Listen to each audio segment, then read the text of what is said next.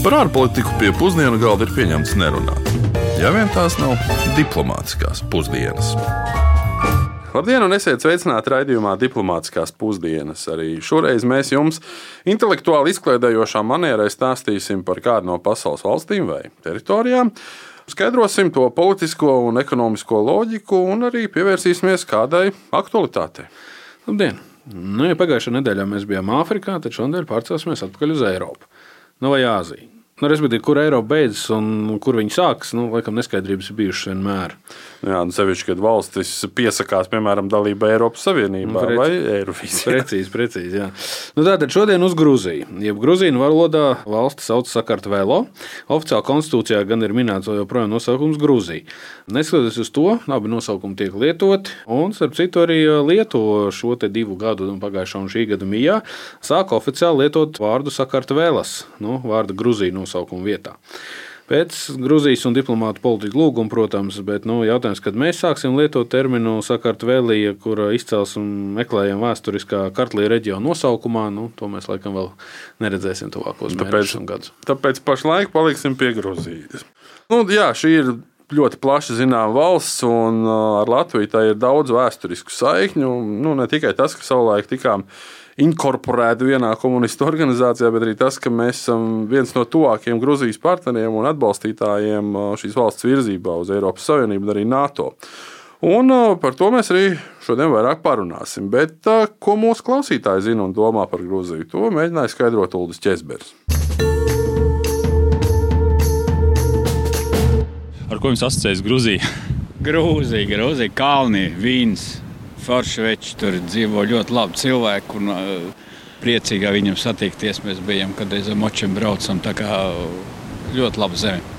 Jā, daudz klosteru. Daudz klosteru, jā. Mm. Vēsturiski pieminekļi. Ļoti interesanti. Jā. Jā. ar vīnu, ar labiem cilvēkiem, ar kalniem. Grūzija ar vīnu un kalniem. nu, tad ar tādiem ļoti viesmīlīgiem cilvēkiem. Viņu vi- dejas viņiem ir ļoti skaistas. Grūzija ar vīnu, aitām, ļoti skaistām vīriešu dziesmām, vīriešu balsīm, mūziku, kalniem. Tur arī bija ļoti skaisti.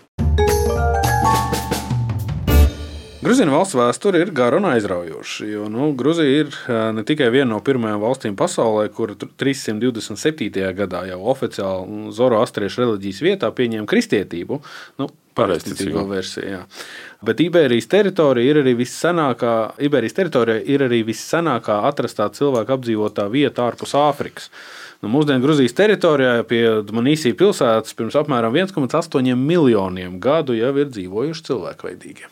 Grūzijas teritorija bija zināma visiem, acīm redzot, ar Iberiju saistīta gan Persiešu karaļa Kserksa pirmā armijas, gan Aleksandrs Lielais, gan Romas impērijas ģenerālis Pompejs, Tamerlana armijas.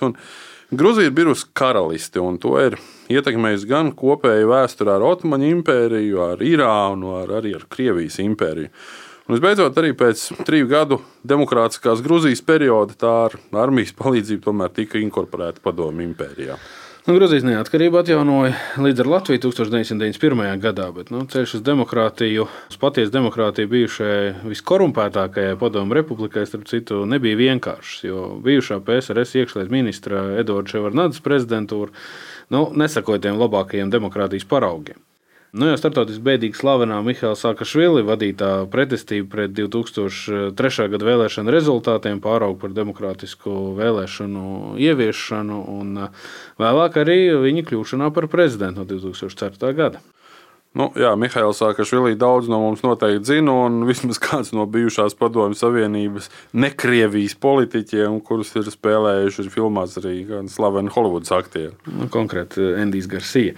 Bet uh, par slavenāko grūzīnu gan Sakašvili tādā veidā nav kļuvis. Jo neskatoties uz to, ka grūzīniem ir desmitiem un simtiem slaveni dažādi jomu mākslinieki, arī domātāji, nu, slavenākais laikam tomēr ir uh, Josifs Visjorjonovičs Džugašvili, jeb, kā mēs viņu pazīstam, Staļins. To gan ir arī Holivudas aktieri tēlojuši. Bet kāda ir dzīve mūsdienu Grūzijā? Nu, valstī dzīvo 5 miljoni iedzīvotāji, no kuriem 86% ir grūzīni. Krievu etniskā grupa, starp citu, ir uh, mazāk par 1%, bet nu, attiecības ar Krieviju gan ir nu, īpaši saspīlētas un vienlaicīgi arī ļoti sarežģītas. Nu, Grūzijas valsts ekonomika arī nav no tām pašām spožākajām. Grūzijā IKP uz vienu iedzīvotāju, mēs skatāmies pēc Pasaules bankas datiem, ir 3900 eiro, nu, kamēr Latvijas ir apmēram 3,5 reizes lielāks, jeb 14,700 eiro uz vienu iedzīvotāju. Nu, pēc citiem datiem, ja mēs skatāmies, tad reālais IKP uz vienu iedzīvotāju pēc pirktspējas paritātes Latvijā ir apmēram divas reizes lielāks.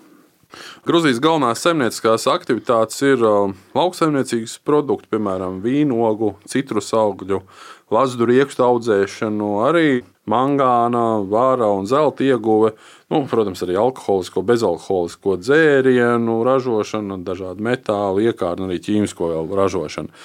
Bet nu, šie pēdējie tomēr drīzāk ir sīka rūpniecība, nu, ja mēs skatāmies pēc pasaules standartiem. Grūzija importē gan arī visu tā nepieciešamo dabasgāzes un naftas produktu apjomu. Nu, lielākoties gan no Azerbaidžānas mūsdienās, jau nevis no Krievijas, protams.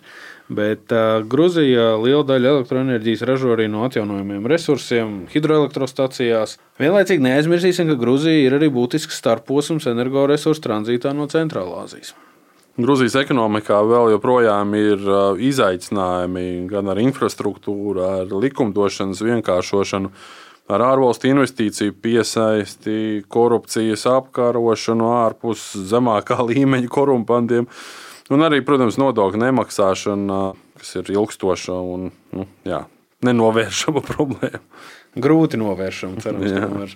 Bet 2014. gadā Grūzija noslēdz asociācijas līgumu ar Eiropas Savienību, kas ir spēkā kopš 16. gada, un 2017. gadā Sakartvēlija parakstīja brīvās tirdzniecības nolīgumu arī ar Ķīnu nu, tādējādi tiecoties pēc geoekonomiskās un ģeopolitiskās diversifikācijas. Nu, respektīvi, maza valsts cenšas izbalansēt savu drošību un ekonomiku pret Krievijas ietekmi tiecoties atrast partnerus citās lielvarās, nu, konkrēti Eiropas Savienībā un Ķīnā. Grūzijas centieni pievienoties Eiropas Savienībā ir ilgstoši tikuši skaļi deklarēti politiskā un diplomātiskā līmenī, bet nu, cik Kopenhāgenes kritērija izpildi ir reāli, cik iekšpolitiskās nianses traucē Grūzijas eiro integrācijai, To mēs vaicājām attīstības sadarbības praktiķei Grūzijā Sintie Šmitei Tīlikai.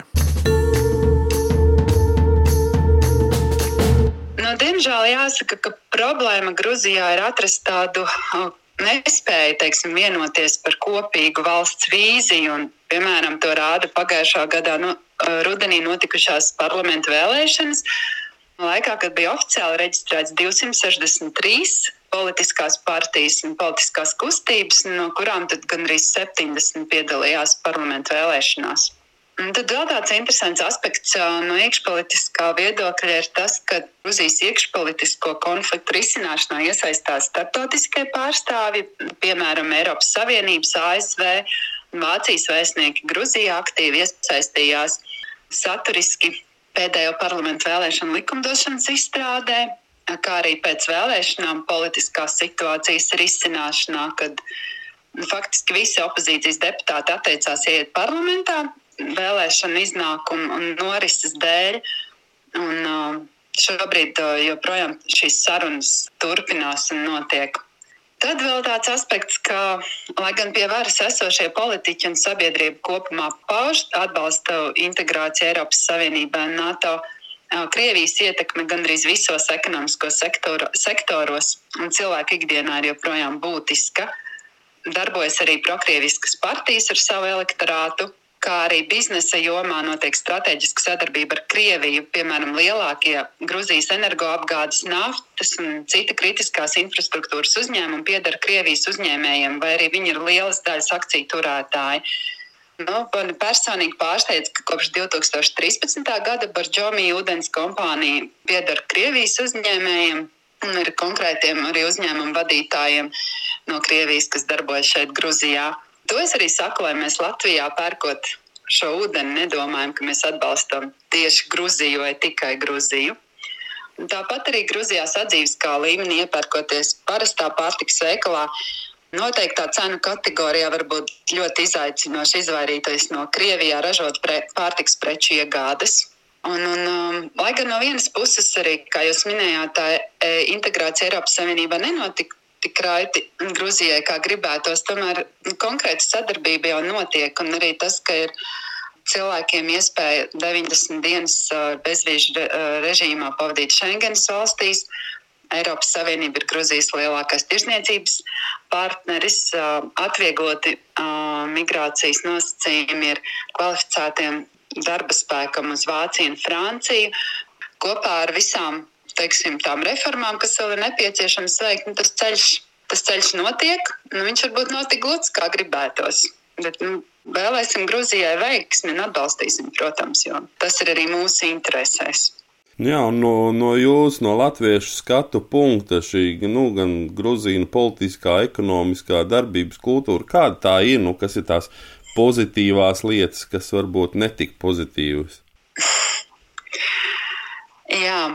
Pirmkārt, man liekas, ir jāatzīmē tas, ka Latvijas un Grūzijas attiecībām ir vairāku gadsimtu vēsture. Gan latvieši Gruzija, uh, Gruzijā, gan Grūzīna Latvijā ir strādājuši un dzīvojuši veikšu, veikuši kaut kādu nozīmīgu ieguldījumu arī tautsēmniecības un zinātnes jomā. Tas, protams, nes tādu pozitīvu vēsturisku atmiņu līdzi, piemēram, to pašu Barģomiju ūdens ķīmisko sastāvu pētīja un tās ūdens dziedinošās īpašības, tāds latviešu ķīmiķis Roberts Kupcis. Un, un cilvēki, protams, arī labi attiecas pret latviešiem sadzīvē un arī to politisko atbalstu, ko Latvija pauž Eiropas Savienības līmenī, novērtē arī sadzīvē satiktie cilvēki. Un tas, manuprāt, ir ļoti pozitīvi. Nu, kā jau katrā sadarbībā ir dažādi tie aspekti sastopami. Un, piemēram, Grūzijā kaut kādas lietas var nokārtot ātrāk, ja ir noteiktas pazīšanās vai labi sakari, bet atkal kaut kādus kvalitatīvu pakalpojumu var nākties prasīt biežāk un gaidīt ilgāk. Tas, teiksim, tā praksē varētu būt. Un, Tas ir arī dzirdēts no tiem uzņēmējiem, kas strādā Grūzijā.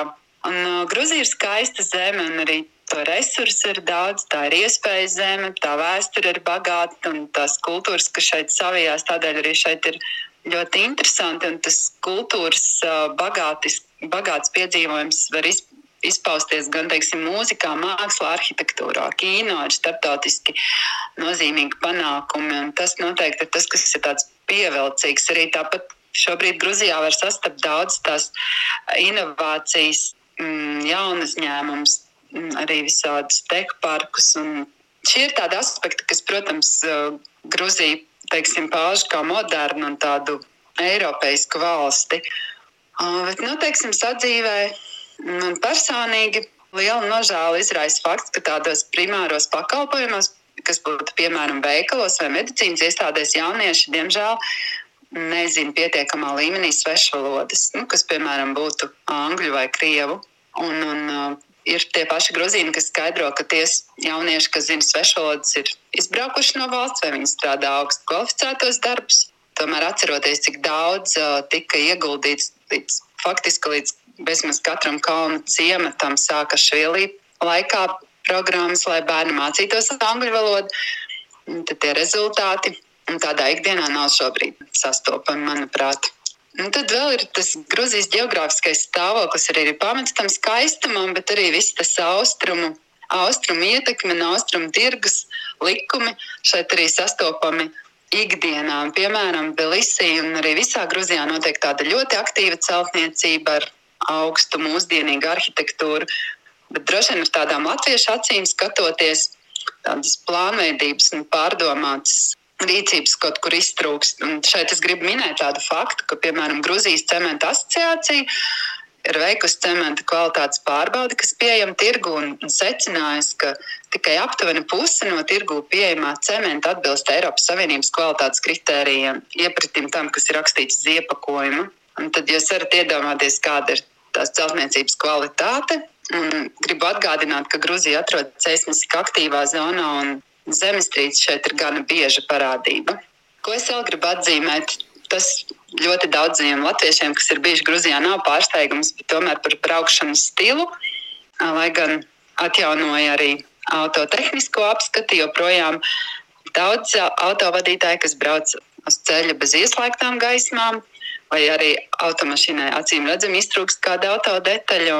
Tā skarbā statistika ir, ka pagājušajā gadā uz ceļa notika turpat 5000 satiksmes negadījumu un bojā gāja gandrīz 450 cilvēku.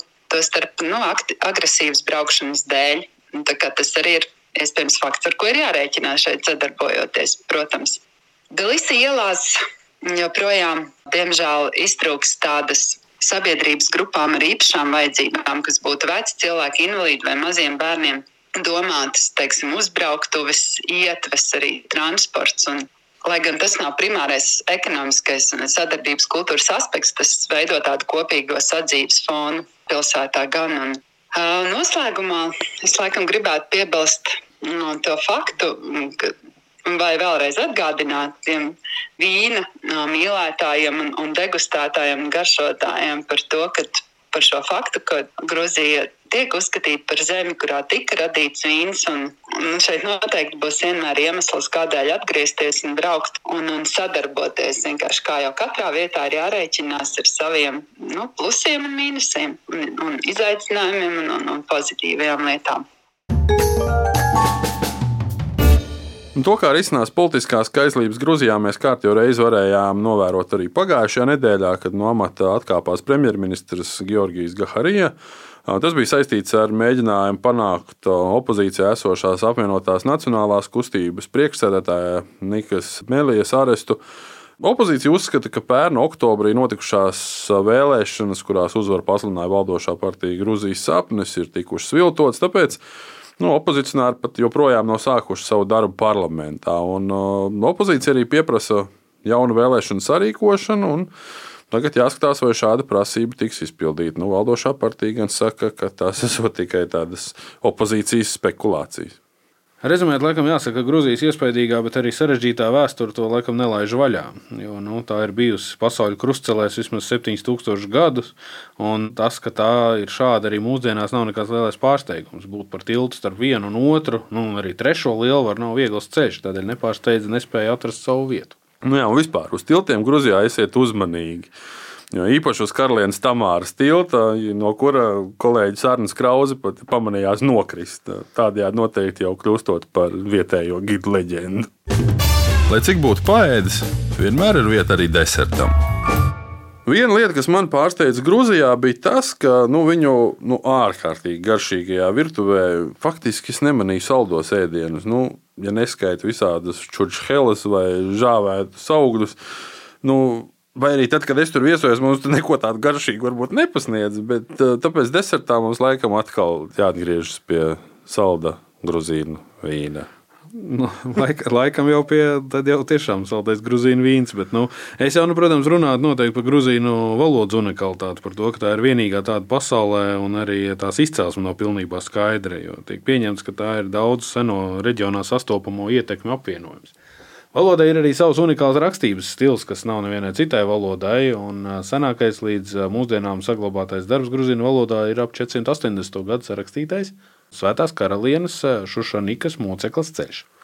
Jā, šādi fakti par mazajām valodām atgādina, cik tomēr salīdzinoši jauna ir latviešu valoda. Bet es tomēr atgriezīšos pie tā vīna. Un, uh, Šoreiz arī ar faktu, ka grūzīnu vīnu darīšana, tās atsevišķas tradīcijas, nu, konkrēti kvevrija tradīcija, kad vīnu raudzē milzīgās māla krūkās, ir iekļauts UNESCO nemateriālajā cilvēces kultūras mantojumā.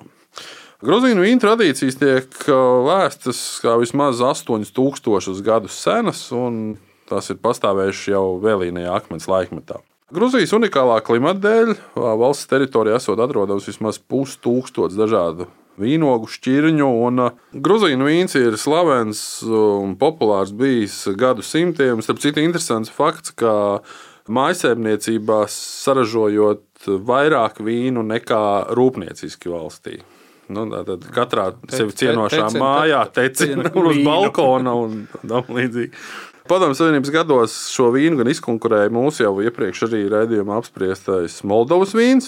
Un kopumā jau jāsaka, ka tas ir bijis arī politisko strīdu nu, starp Grūziju un Krieviju diezgan tāds vērā ņemams instruments. Nu, jā, nav jau tā, ka Moldovas vīns nav bijis. Nu, jā, vēl joprojām ir. Mm. Nu, bet tagad tas ir atradzis arī savu vietu Eiropas Savienības tirgu. Nu, piemēram, tiek rēķināts, ka uz Latviju gadu atgādā vairākus simtus tūkstošus Grūzijas vīnu pudeļu. Jā, nu uz šīs alkohola reklāmas nodaļas mums šodien arī raidījums izskan. Un nākamā nedēļa ceļosim atkal uz Āfriku. No, no Vīna valsts, Grūzijas dosimies uz Kodivāru, jeb Ziloņkalu krastu un parunāsim jau par kakao. Kā vienmēr šo raidījumu veidoja dr. Kārlis Bukovskis no Latvijas ārpolitikas institūta un Rīgas Stradiņa universitātes, un arī es, Uģis Lībijams no Latvijas Rādio. Atgādināšu, ka mūsu raidījumu varat klausīties arī garākos atkārtojumos Latvijas Rādio mājaslapā un arī lielākajās mūzikas straumēšanas vietnēs. Uz atdzirdēšanos! Lai izdodas! Diplomātiskās pusdienas katru otrdienu pusdienos Latvijas Radio 1.